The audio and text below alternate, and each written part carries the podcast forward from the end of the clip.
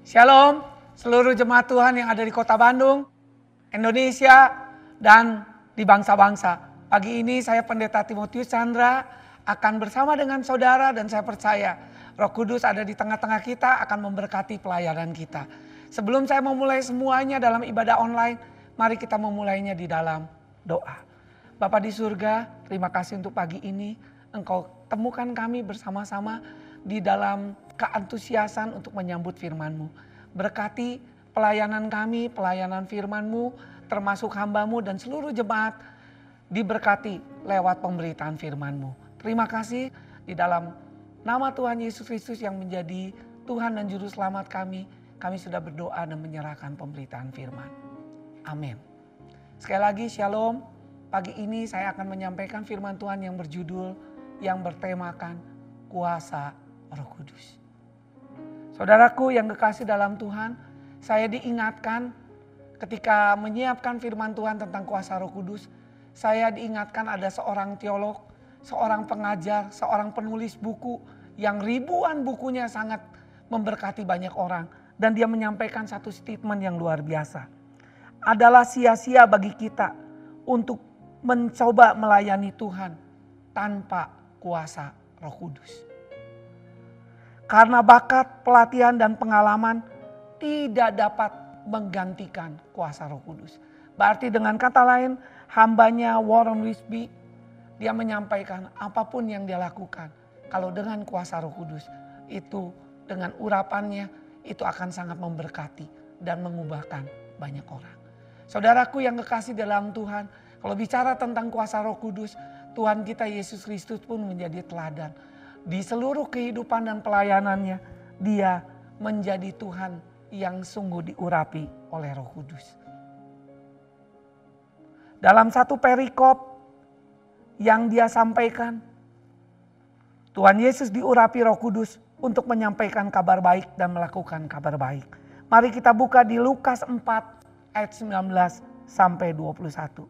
Saya akan bacakan untuk kita semua dan lebih baik juga kalau seluruh jemaat Tuhan yang ada di rumah-rumah juga membacakannya bersama dengan saya. Lukas 4 ayat 19 sampai 21. Roh Tuhan ada padaku oleh sebab ia telah mengurapi aku untuk menyampaikan kabar baik kepada orang-orang miskin dan ia telah mengutus aku untuk memberitakan pembebasan kepada orang-orang tawanan dan penglihatan bagi orang-orang buta untuk membebaskan orang-orang yang tertindas, untuk memberitakan tahun rahmat Tuhan telah datang. Lalu ia memulai mengajar mereka katanya, pada hari ini genaplah nas ini sewaktu kamu mendengarkannya. Sungguh roh Tuhan ada padaku. Berarti roh Tuhan ada pada Tuhan Yesus. Dan bukan hanya roh Tuhan ada pada Yesus, tapi roh Tuhan juga mengurapi Yesus. Untuk apa Tuhan Yesus diurapi dengan jelas? Untuk menyampaikan kabar baik kepada orang-orang miskin. Orang-orang miskin jelas orang yang tidak memiliki kehidupan yang betul-betul secara finansial cukup. Itu miskin secara jasmani, tapi miskin secara rohani. Ayat itu bilang memberikan pembe memberitakan pembebasan kepada orang-orang yang tertawan. Jadi orang-orang yang miskin juga orang-orang yang tertawan. Orang yang buta. Orang-orang yang mengalami sakit penyakit. Tuhan akan sembuhkan. Akan dapat penglihatan, akan dapat terobosan yang luar biasa. Bahkan orang-orang yang tertindas. Itulah orang-orang yang miskin. Dan Tuhan akan memberitakan tahun rahmat Tuhan sehingga tahun-tahun yang penuh kebaikan akan dialami dalam hidupnya. Saudaraku, bukan hanya itu saja, di kisah Rasul 10 ayat 38 Tuhan Yesus berkata tentang Yesus dari Nazaret bagaimana Allah mengurapi Yesus dengan roh kudus dan kuat kuasa. Yesus yang berjalan berkeliling sambil berbuat baik. Jadi Yesus bukan hanya menyampaikan kabar baik, dia juga berbuat baik.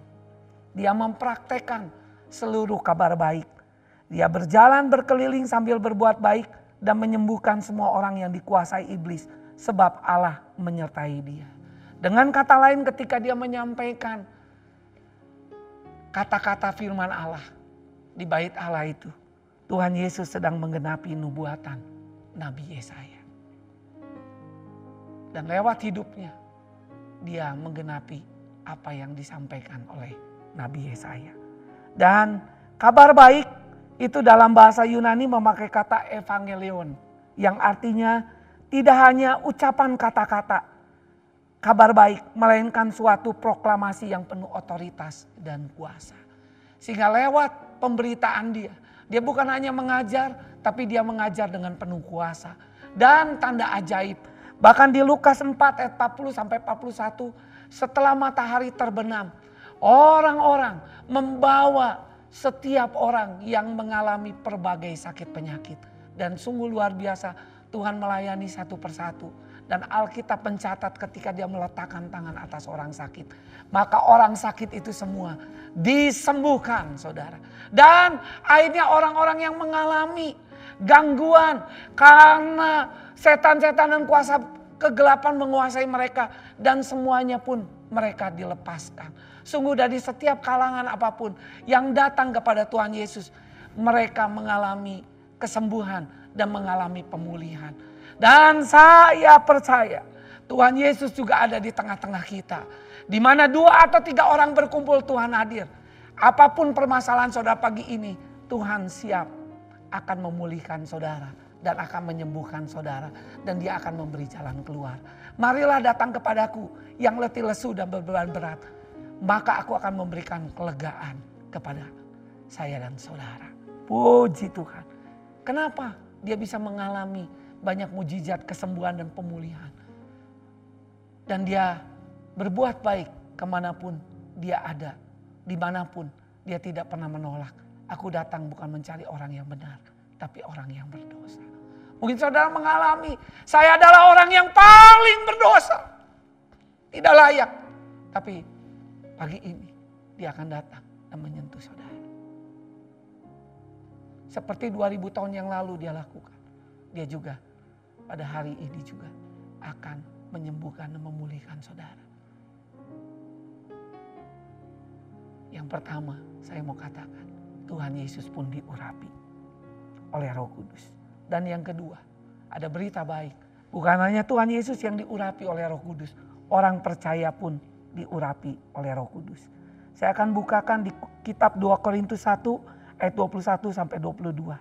Sebab dia yang telah meneguhkan kami bersama-sama dengan kamu di dalam Kristus adalah Allah yang telah mengurapi, memetraikan tanda miliknya atas kita,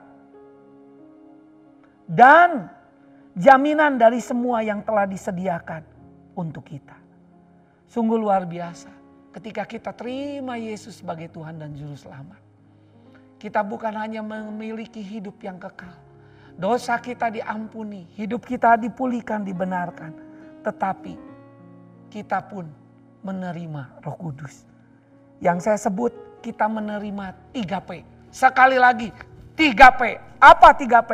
Kita menerima pengurapan roh kudus. Jadi ketika kita terima Yesus, kita juga menerima pengurapan roh kudus. Amin saudaraku. Pengurapan yang sama seperti Tuhan Yesus pun kita alami. Yang kedua, kita bukan hanya mengalami pengurapan roh kudus. P yang kedua, kita juga mengalami pemeteraian. Efesus 1 ayat 13 sampai 14 ketika kita mendengar berita kabar baik, kabar keselamatan bukan hanya mendengar, kita menerima kabar baik itu. Menerima Tuhan Yesus sebagai Tuhan dan Juru Selamat. Maka sejak saat itu Alkitab bilang kita dimeteraikan oleh Roh Kudus. Berarti artinya dimeteraikan. Menjadi sebuah tanda bahwa kita adalah anak-anak Allah. Shalom, haleluya, amin. Kita semua anak-anak Allah, sungguh kita dimeteraikan saudara. Karena itu kitab Yohanes bilang tidak ada seorang pun yang bisa merebut engkau dari tangan Bapak di surga. Bahkan terjemahan King James bilang bukan tangan Bapak di surga, tangan genggaman Bapak di surga. Sungguh luar biasa saudara. Tanda kepemilikan engkau dapatkan. Yang pertama pengurapan, yang kedua pemeteraian, yang ketiga adalah penjamin. Roh Kudus adalah penjamin. Dalam bahasa aslinya memakai kata arabon. Arabon yang artinya adalah pembayaran yang dibayarkan di muka sebagai jaminan untuk pembayaran sisanya. Artinya sampai nanti kita bertemu dengan Tuhan di surga. Roh Kudus adalah jaminan dan dia akan menolong, menghibur, menguatkan, membela kita, menasehatkan bahkan menjadi pendoa syafaat untuk hidup kita. Karena itu Tuhan Yesus bilang adalah lebih berguna kalau aku pergi kepada Bapa. Kalau tidak roh kudus sang penolong para kletos tidak akan datang. Adalah lebih berguna. Kalau Yesus ada di satu kota dia terbatas ada di sana. Tapi kalau kita punya roh kudus dia tidak terbatas. Dia ada di mana-mana. Sama seperti lagu sekolah minggu yang saya diingatkan di seluruh dunia roh Allah bekerja di hari yang sama, di waktu yang sama, saya percaya di seluruh dunia sedang terjadi ibadah yang diberkati Tuhan. Dan saya percaya Roh Kudus bekerja di mana-mana dengan kuasa yang tanpa batas. Saudaraku yang kekasih, bati saya dan saudara pun diurapi oleh Roh Kudus. Saudara diurapi, saudara dimeteraikan, dan saudara pun mendapat kekuatan jaminan di dalam seluruh hidup. Izinkanlah saudara terus dipimpin oleh roh Allah. Karena yang dipimpin roh Allah adalah anak-anak Allah. Yang ketiga yang terakhir, mengapa kita penting mengalami pengurapan roh kudus saudaraku. Yang pertama, ketika kita mengalami pengurapan roh kudus, kita memiliki keberanian dengan penuh kuasa untuk menjadi saksi Tuhan. Kita memiliki keberanian, kuasa untuk menjadi saksi Tuhan Kisah Rasul 1 ayat 8 bilang, kamu akan menerima kuasa roh kudus ketika roh kudus turun atasmu. Kamu akan menjadi saksiku di Yerusalem, Yudea, Samaria, dan sampai ke ujung bumi. Ketika roh kudus turun ke atas kamu. Bukan berarti roh kudus tidak ada dalam hidup kita. Ingat tadi saya bilang ketika engkau terima Yesus, engkau sudah punya roh kudus dan menjadi meterai dalam hidupmu dan menjadi jaminan dan pengurapan. Tetapi ketika menjadi saksi, engkau harus dilengkapi. Karena itu Tuhan bilang kepada muridnya, jangan pergi terlebih dahulu. Sampai engkau mendapat kuasa dari tempat matinya. Supaya engkau diberi kemampuan, kekuatan untuk menjadi saksi Tuhan. Kuasa dalam bahasa Yunani itu memakai kata dunamos. Yang artinya adalah dinamit. Engkau akan mengalami ledakan. Engkau mengalami kobaran kuasa yang luar biasa. Yang membuat engkau berapi-api. Dan engkau yang terbatas menjadi tidak terbatas karena roh kudus. Yang kedua, menjadi dinamo, alat penggerak. Artinya apa? Tidak ada yang bisa menahan. Ketika roh kudus turun ke atas murid-murid Tuhan. Yang mereka orang biasa, orang tidak terpelajar. Orang yang sederhana itu akhirnya mengalami kekuatan yang luar biasa. Dan dia menggenapi janji Tuhan Yesus. Barang siapa yang percaya kepada aku, dia melakukan pekerjaan yang Yesus lakukan. Bahkan lebih besar. Bahkan penganiayaan pun tidak bisa membuat gereja Tuhan, murid Tuhan pada zaman mula-mula itu berhenti. Justru lewat penganiayaan dia menggenapi janji Tuhan. Akhirnya apa? Berita Injil bukan hanya ada di Yerusalem, akhirnya sampai ke Yudea, Samaria, bahkan sampai ke ujung bumi. Sungguh luar biasa saudara. Memiliki kuasa untuk menjadi saksi. Saksi itu memakai kata marturia. Dari marturia itu menjadi martir. Sehingga mereka tidak takut. Padahal kalau kita lihat dulu sebelum dia dipenuhi oleh kudus. Mereka gentar, mereka takut sepertinya nggak berdaya karena Tuhan Yesus sudah tidak ada bersama-sama. Tapi akhirnya mereka bangkit. Kita lihat hidupnya Petrus akhirnya berubah. Yang tadinya menjadi pengecut yang budiman. Penakut yang saleh menjadi berani. Dan dia tantang orang yang berkata, kamu sedang mabuk. Dia bilang, aku tidak sedang mabuk. Aku sedang menggenapi janji kitab Yoel. Pada hari-hari terakhir, aku sedang mencurahkan roh kudus kepada setiap orang. Bahkan Orang yang paling terendah hamba laki-laki dan perempuan pun akan dipenuhi, dibaptis oleh kuasa roh kudus. Dan anak-anak akan dibaptis, dipenuhi oleh roh kudus. Dan dia akan bernubuat. Orang-orang tua akan mempunyai mimpi. Mari kita, saya juga sudah menjadi orang tua. Saya juga punya mimpi akan melihat satu kemuliaan Tuhan di dalam gereja Tuhan di tempat kita. Tuayan besar sedang terjadi. Bangkitnya generasi dan anak-anak muda teruna-teruna akan mendapatkan visi akan mendapatkan penglihatan. Oh sungguh akan dapat penguayuan. Dan saya percaya ada kebangkitan, ada kegerakan anak muda. Karena itu anak-anak muda, anak-anak pelajar SMP, SMA, mahasiswa. Siapkanlah dirimu. Ada pekerjaan yang besar, ada tuayan besar. Dan ada pengangkatan Tuhan yang besar. Sudah saatnya tongkat generasi sedang diberikan kepada saudara. Yang sungguh luar biasa saudara. Dan akhirnya ketika itu mereka dengar pemberitaan yang disampaikan Petrus. Dan sungguh luar biasa, mereka terpukau, mereka terharu, dan mereka memberi diri untuk percaya, bahkan dibaptis. Dan pada hari itu juga 3000 orang menjadi percaya. Dan akhirnya mereka bilang, kami kenal orang-orang yang tidak terpelajar, orang yang biasa para nelayan. Tapi mereka kenal sebagai pengikut Yesus. Kenapa? Karena pelayanannya, Cara mereka berbicara, cara mereka menyampaikan sama seperti yang Yesus lakukan. Bahkan kuasanya pun sama.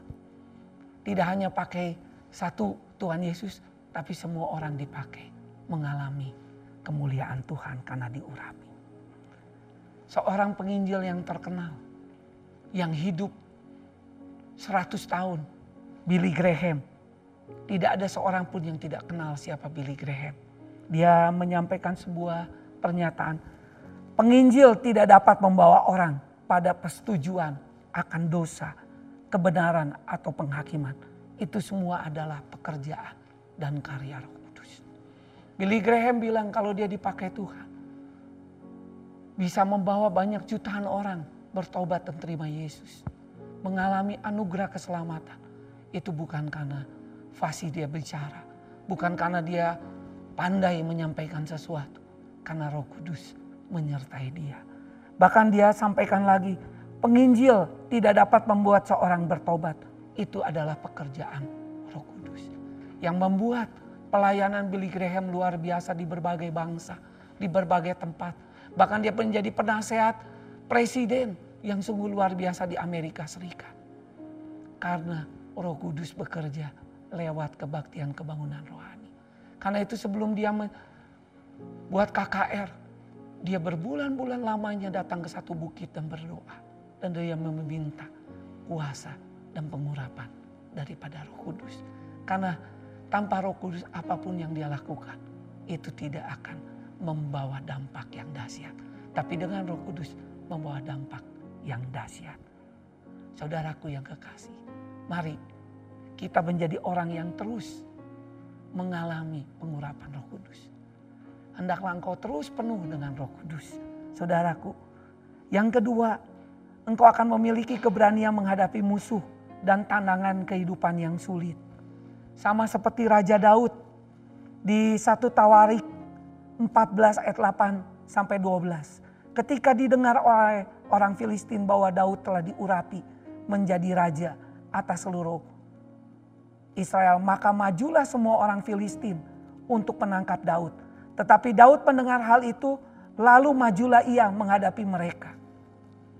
Jadi saudaraku, orang yang diurapi roh kudus bukan berarti tanpa tantangan. Raja Daud pun setelah diurapi menjadi raja atas Israel. Dia pun mengalami tantangan saudara. Tapi ketika orang Filistin semuanya ingin menangkap dia. Ingin menghancurkan dia. Tapi itu tidak membuat dia kecut. Tetapi akhirnya membuat dia maju menghadapinya. Tapi dia bukan hanya maju begitu saja. Tetapi firman Allah bilang, lalu majulah Raja Daud menghadapi mereka. Ketika orang Filistin itu datang dan mengadakan penyerbuan di lembah Refaim. Bertanyalah Daud kepada Allah, apakah aku harus maju melawan orang Filistin ini dan akan kau serahkan mereka ke dalam tanganku?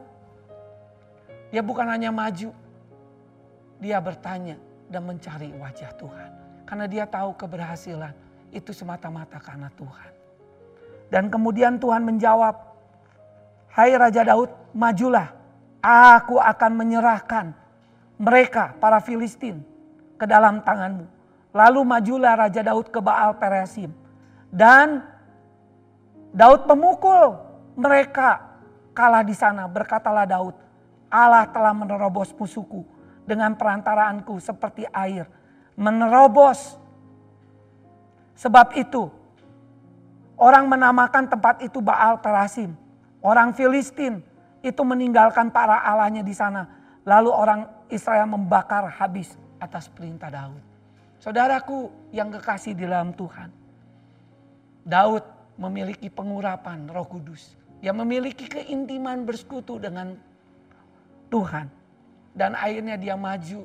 Dan dia mendapat pernyataan daripada Tuhan untuk maju. Dan akhirnya dia melihat kemenangan. Dan dia lihat seperti Allah merobos seperti air. Dan saya percaya apa pun saudara pergumulannya hari ini. Saya nggak tahu. Zaman situasi bisa berbeda. Tapi kita punya roh kudus yang tidak pernah berubah. Dulu sekarang sampai selama-lamanya. Dia akan menerobos, memberi kekuatan, memberi hikmat, kemampuan untuk saudara mengatasi akibat dampak dari COVID-19. Bangunlah hubungan yang intim dengan Tuhan. Berarti pengurapan roh kudus membuat kita berani untuk menjadi saksi Tuhan yang penuh kuasa. Memiliki keberanian untuk menghadapi musuh tantangan dan kehidupan yang sulit. David Vickerson pernah berkata, segala sesuatu yang kita jalani dan lalui sebagai orang Kristen adalah latihan. Di mana Allah memiliki tujuan ilahi. Dia tidak menyelamatkan kita agar bisa meluncur ke surga dengan kapal mewah. Saudaraku, hidup mengikut Tuhan bukan berarti tanpa tantangan. Kita pun dikaruniakan bukan hanya dapat keselamatan tapi penderitaan, kesulitan. Tapi ingat, pencobaan yang kita alami adalah pencobaan yang biasa. Tidak melampaui kekuatan pada kekuatanmu. Maka Tuhan akan memberikan jalan keluar sehingga kamu dapat menanggungnya. Sungguh luar biasa. Nah, kita sedang dibentuk, dibawa oleh Tuhan. Mengalami latihan. Dan dia menyelamatkan dan mempersiapkan kita untuk berguna dalam kerajaannya. Saat kita dilahirkan kembali, Tuhan mendaftarkan kita di sekolah penderitaan. Setiap penderitaan pencobaan adalah pelajaran dalam kurikulumnya. Itu yang disampaikan David Wickerson. Saudaraku jangan takut lewat tantangan yang sedang terjadi hari ini. Saya ingin menyampaikan Tuhan beserta saudara. Tuhan menyertai saudara. Justru lewat ini Tuhan ingin angkat saudara. Next level. Kita Wahyu bilang engkau keluar dari kesusahan yang besar. Bahkan kita akan menjadi jemaat Philadelphia kalau kita menang kita akan diangkat menjadi soko guru, saudara. Tahu soko guru? Pemimpin para guru. Pengusaha akan menjadi pemimpin para pengusaha. Saudara, di gunung apa pun saudara akan jadi pemimpin menjadi soko guru. Menjadi teladan. Bukankah itu janji Tuhan sedang digenapi. Pada hari-hari terakhir Tuhan akan membawa gunung Tuhan. Kemuliaan Tuhan. Melewati puncak gunung yang lain. Amin saudara. Dan ke sana orang belajar. Saatnya seluruh jemaat Tuhan yang ada yang mendengarkan ini engkau dibangkit menjadi soko guru. Karena itu jadilah engkau pemenang-pemenang Allah. Dan jangan takut menghadapi apa pun. Yang ketiga, memiliki kepekaan untuk mendengar roh kudus. Ketika orang Filistin menyerbu sekali lagi di lembah Refaim. Maka bertanyalah Daud kepada Allah. Lalu Allah menjawab, janganlah maju di belakang mereka. Tetapi buatlah gerakan, lingkaran terhadap mereka sehingga engkau dapat menyerang mereka dari jurusan pohon-pohon kertau.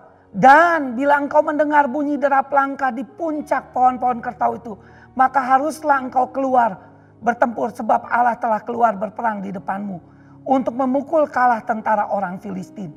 Dan Daud berbuat seperti yang diperintahkan Allah kepadanya. Maka mereka memukul kalah tentara orang Filistin. Mulai dari Gibeon sampai Geser. Lalu termasyurlah nama Daud di segala negeri dan Tuhan mendatangkan rasa takut kepadanya atas segala bangsa. Situasi boleh berbeda. Dan Tuhan juga Tuhan yang punya segala jutaan cara untuk menolong kita saudara. Seperti Daud tapi punyakah hubungan yang intim dengan Tuhan. Dan dia bertanya Tuhan gimana? Pengalaman yang dulu bukan menjadi pengalaman yang sama hari ini. Karena dia baru setiap pagi, baru setiap hari. Izinkan persekutuan yang intim dengan dia. Daniel 11 ayat 32b bilang umat yang mengenal Allahnya. Umat yang mengenal Allahnya. Mari jangan hanya tahu Tuhan. Makin kenal makin dalam. Makin jatuh cinta makin dalam. Umat yang mengenal Allahnya. Kalau kenal Allah dengan baik. Maka engkau akan tetap kuat. Dan akan bertindak. Saat yang gereja Tuhan mengalami kemuliaan yang luar biasa. Amin saudara. Dan terakhir engkau akan memiliki kekuatan dan kemampuan hidup seperti Yesus dan mengalami kepenuhan Yesus Kristus. Saudaraku, John Owen, seorang hamba Tuhan yang terkemuka hari ini. Seorang yang diurapi, pengajar, penulis buku yang sangat sederhana tapi memberkati banyak orang. Dia berkata, orang yang berusaha menekan dosa tanpa bantuan roh kudus, sia-sialah semua yang dia lakukan. Jeri lelahnya pun sia-sia. Mereka tidak akan mengalami jadi pemenang. Dia bertempur, akan membayar mahal tanpa mengalami suatu perdamaian dan pemulihan. Serta menjadi budak dosa seumur hidup. Saudaraku, apa pun saudara lewat John Owen. Dia juga punya pengalaman ketika hidupnya tidak benar. Tapi ketika dia bertemu Yesus, dia tidak hanya bertemu Yesus, dia mulai bergaul dengan roh kudus. Dia izinkan dia mengalami bagaimana kelepasan, kebebasan dan kemerdekaan. Karena itu pengajaran dia sangat kuat. Anugerah Tuhan cukup bagi hidup kita. Siapa pun latar belakang saudara hari ini. Datanglah pada roh kudus. Engkau akan dibaharui hidupmu. Dan bukan hanya diperbaharui mengalami kepenuhan Allah. Dan saya tutup dengan ayat yang terakhir 1 2 Korintus 3 ayat 17 dan 18. Sebab Tuhan adalah roh. Di mana ada roh Allah di situ ada kemerdekaan. Siapa pun saudara. Yesus datang diurapi untuk menyampaikan kabar baik pada orang miskin dan orang tertawan akan mengalami pembebasan. Saya percaya saudara pun yang ada hari ini akan mengalami kebebasan apa pun yang terjadi dalam hidup saudara. Izinkan roh Allah. Di mana ada roh Allah di situ ada kemerdekaan. Dan kita semua mencerminkan kemuliaan Tuhan dengan muka yang tidak terselubung. Ketika roh kudus mencelikan kita. Lewat kebenaran firman Tuhan. Kita tidak lagi menjadi sesuatu ada menghalangi kita, maka mata kita terbuka dan kita melihat. Dan karena kemuliaan itu datangnya dari Tuhan yang adalah roh, maka kita diubah menjadi serupa dengan gambarannya dalam kemuliaan yang semakin besar. Akhirnya hidup kita bukan hanya semakin baik, tapi semakin serupa dengan Kristus, pola pikir kita, sikap hidup kita. Dan kita mengalami bahwa Tuhan itu Tuhan yang hidup, Tuhan yang ajaib. Bukan hanya mengalami dari kata orang, tapi kita mengalami betul. Dia Tuhan yang ajaib dan menjadi tanda ajaib dalam hidup kita. Bahkan dibawa dari satu kemuliaan kepada kemuliaan yang besar. Kalau terjemahan bahasa Inggris dari glory to glory. Mengalami dari satu kemuliaan ke dalam kemuliaan yang lebih besar. Amin saudaraku. Amin. Dan yang terakhir, aku berdoa supaya kamu bersama-sama dengan segala orang kudus dapat memahami betapa lebarnya dan panjangnya dan tingginya dan dalamnya kasih Kristus. Dan dapat mengenal kasih itu. Sekalipun yang melampaui segala pengetahuan aku berdoa. Supaya kamu dipenuhi di dalam seluruh kepenuhan Allah. Bagi dialah yang dapat melakukan jauh lebih banyak daripada yang kita doakan dan pikirkan. Seperti yang ternyata dari kuasa yang bekerja di dalam kita. Roh Kudus memampukan kita bukan kita semakin serupa dengan Kristus. Tapi kita mengalami kepenuhan Kristus. Saudaraku yang kekasih, hari ini Tuhan sedang mencurahkan kepenuhannya. Izinkan saya ingin bersaksi saudara sebagai penutup. Tahun 2007 saya hadir di sebuah camp sukses sejati Kingdom Kingdom Business Community di sebuah kota. Ketika itu saya sedang mengalami kejenuhan di dalam panggilan hidup saya sebagai seorang pendidik Kelihatannya saya mau mengakhiri panggilan saya.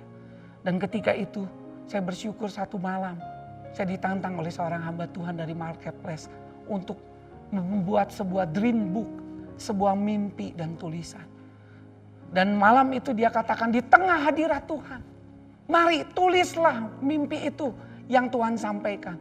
Dan saya ingat lima mimpi itu. Yang mimpi yang pertama, Tuhan kasih tahu kamu akan punya rumah. Saya sudah menikah waktu itu dari 2001 saya belum punya rumah saudara. Katanya yang belum punya rumah itu suaminya belum sukses sejati saudara.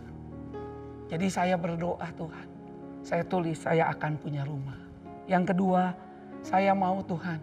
Kalau Tuhan mau untuk jadi pemimpin di marketplace. Bukan hanya pemimpin pelajar, pemimpin marketplace. Yang kedua, Tuhan taruhkan saya untuk jadi kepala sekolah. Menjadi agen of change. Bukan hanya pelayan di gereja. Yang keempat, Tuhan rindu lewat hidup saya. Akan pergi ke berbagai kota. Membawa kegerakan anak muda. Yang kelima, Tuhan ingin lewat hidup saya. Membangun sekolah demi sekolah di berbagai tempat di Indonesia. Ketika saya tulis itu, saya tidak berani men-sharekan kepada istri saya dan kepada banyak orang. Saya hanya bilang kepada Tuhan. Dan sungguh luar biasa di tahun itu juga Tuhan memanggil saya lewat tempat di mana saya kerja, saya ikut psikotes dan akhirnya saya menjadi wakil kepala sekolah, dua tahun kemudian menjadi kepala sekolah. Dan saya bersyukur Tuhan mengurapi saya dan bukan hanya itu saja, tahun 2010 saya punya rumah yang saya tempati hari ini. Dan yang luar biasa, Tuhan gak cukup hanya saya berhenti sampai di situ. Tahun 2016, saya akhirnya dibawa Tuhan untuk masuk musim yang baru, mengakhiri tempat kerja saya. Dan hari ini saya melihat bagaimana lewat hidup saya, Tuhan memberkati. Akhirnya ada kegerakan anak muda di berbagai tempat. Dan saya bersyukur sekarang puluhan sekolah sudah dibangun. Bahkan yang indah, bukan dibangun di tempat yang sepertinya baik, tapi di tempat yang kota yang sunyi Tuhan memakai kita membangun reruntuhan. Karena itu saudaraku, mari saya lewat ini saya mau sampaikan. Mari kita mengalami kepenuhan Allah. Jangan takut untuk bermimpi, bergaul dengan Tuhan. Dan kau akan melihat kemuliaan Tuhan yang luar biasa. Sekali lagi, lewat pengurapan roh kudus saudara. Saudaraku yang kekasih, engkau memiliki keberanian untuk memiliki kuasa. Yang kedua, saudara memiliki keberanian untuk menghadapi situasi apa pun dan engkau tidak takut. Yang ketiga, engkau memiliki kepekaan sehingga engkau tahu apa yang maksud Tuhan di dalam hidup kita. Sehingga tidak takut menghadapi musim yang baru. Dan yang keempat, engkau akan terus diperbarui hidupmu satu. Tiap hari engkau mengalami pembaruan. Bukan hanya engkau mengalami pemulihan. Tapi lewat saudara-saudara membawa kemuliaan. Pemulihan dan mengalami kemuliaan. Dan mengalami kepenuhan Allah yang luar biasa. Saya tidak tahu pagi ini jemaat Tuhan sedang mengalami apa. Tapi izinkan roh kudus bekerja atas hidup saudara. Ku buka hati untuk jamahanmu berserah penuh di hadiratmu. Kau ambil alih seluruh hidupku di altarmu menyembahmu izinkan buka hati. Datang pada dia. Yang belum terima Yesus. Selama ini menentang Yesus. Dan mencari kebenaran. Saya ingin berdoa untuk engkau. Hari ini buka hatimu. Yang kedua. Yang sedang mengalami pergumulan. Saatnya. Biarlah roh kudus mengambil alih seluruh hidup saudara. Ganti. Yang bukan dari konsep roh kudus karena apa yang dibangun daging adalah daging, tapi apa yang dibangun roh adalah kehidupan. Izinkan. Mungkin logikamu terbatas. Mungkin segala sesuatu yang kau miliki terbatas. Bilang, roh kudus, aku butuh engkau. Lewat dunia perniagaanku, lewat pekerjaan, lewat keluargaku. Bahkan di masa-masa stay at home ini, izinkan roh kudus bekerja memperbaharui hidup saudara. Dan yang ketiga, mulai belajar untuk memimpi dan saya berharap selesai ibadah ini Anda mulai menulis apa mimpi saudara. Bapak-bapak menulis, ibu-ibu menulis, anak-anak muda menulis, dan anak-anak kecil juga menulis. Apa yang Tuhan sampaikan. Mari kita berdoa. Engkau yang mau lahir baru dan terima Yesus. Silakan taruh tanganmu di dada. Dan bilang, Tuhan, aku butuh engkau Tuhan Yesus. Aku mencari ke mana-mana pertolonganku. Untuk aku dapat pertolongan anugerah dan keselamatan. Dan aku tahu hanya di dalam Tuhan Yesus Kristus. Engkau yang mau mengambil keputusan itu, ikuti doa saya bersama-sama. Tuhan Yesus, terima kasih. Pagi ini aku terima Engkau sebagai Tuhan dan Juru Selamat. Ampunilah segala dosaku ya Tuhan. Baru hidupku. Terima kasih. Ampunilah segala dosaku. Dan darah Yesus menyucikan dan memulihkan hidupku. Terima kasih. Dan catatlah namaku dalam kitab kehidupan. Satu kali ketika bunyi sanggakala, Allah datang dengan pasukan malaikat. Aku ada di sana bersama-sama dengan kau. Terima kasih Tuhan untuk keselamatan, anugerah kasih karunia yang aku dapatkan di dalam Engkau. Terima kasih Tuhan Yesus. Aku berdoa untuk mereka satu persatu yang sudah mengalami Tuhan Yesus. Di mana pun aku berdoa Tuhan. Saat ini setiap kutuk demi kutuk apa pun. Kutuk kemiskinan, kutuk kebodohan, kutuk kematian, apa pun juga. Kutuk nenek moyang, apa pun juga jimat-jimat mantra. Aku patahkan, aku hancurkan dalam nama Yesus. Aku melepaskan kuasa Tuhan bekerja atas hidup dia, memperbarui hidup dia. Bukan hanya dia mengalami perjumpaan dengan Tuhan dan menjadi kesaksian, tapi izinkan satu kali dengan penuh kuasa dia mulai bersaksi dan menyampaikan. Dan keluarganya yang belum diselamatkan, satu orang percaya akan diselamatkan. Yang terakhir aku berdoa untuk engkau yang sudah mengalami tidak berdaya, mengalami masa-masa yang begitu sulit. Saat ini aku berdoa Tuhan, taruhlah di dadamu Tuhan. Tuhan yang para pengusaha yang sedang putus asa. Para karyawan yang sedang putus asa. Anak-anak muda yang sedang putus asa. Mengalami pergumulan jatuh bangun sepertinya nggak ada pengharapan. Aku berdoa saat ini dalam nama Yesus. Mata rohaninya terbuka, celik Tuhan. Sehingga dia bisa melihat tahun rahmat Tuhan yang luar biasa. Membebaskan, menguatkan mereka. Dan bukan hanya mereka dibebaskan berjumpa lewat firman Tuhan pagi ini. Mereka mulai buat tulisan dream book karena umat Tuhan yang diurapi, yang bergaul mengalami kepenuhan Roh Kudus lewat persekutuan intim dengan Tuhan, lewat doa, firman dan izinkan Roh Kudus, maka mereka mengalami kepenuhan Allah di dalam hidupnya. Terima kasih Tuhan untuk lawatan dan kuasa Allah yang bekerja. Dan kami percaya Allah sedang melawat Indonesia. Allah sedang melawat bangsa-bangsa. Siapkan kami masuk dalam kemuliaan Tuhan. Kami terus berdoa untuk Indonesia.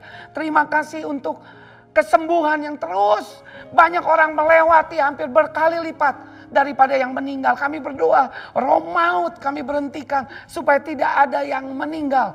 Tuhan yang ada Tuhan sembuhkan. Tuhan pakai obat-obat para medis yang memakainya semuanya tidak ada yang terlambat Tuhan.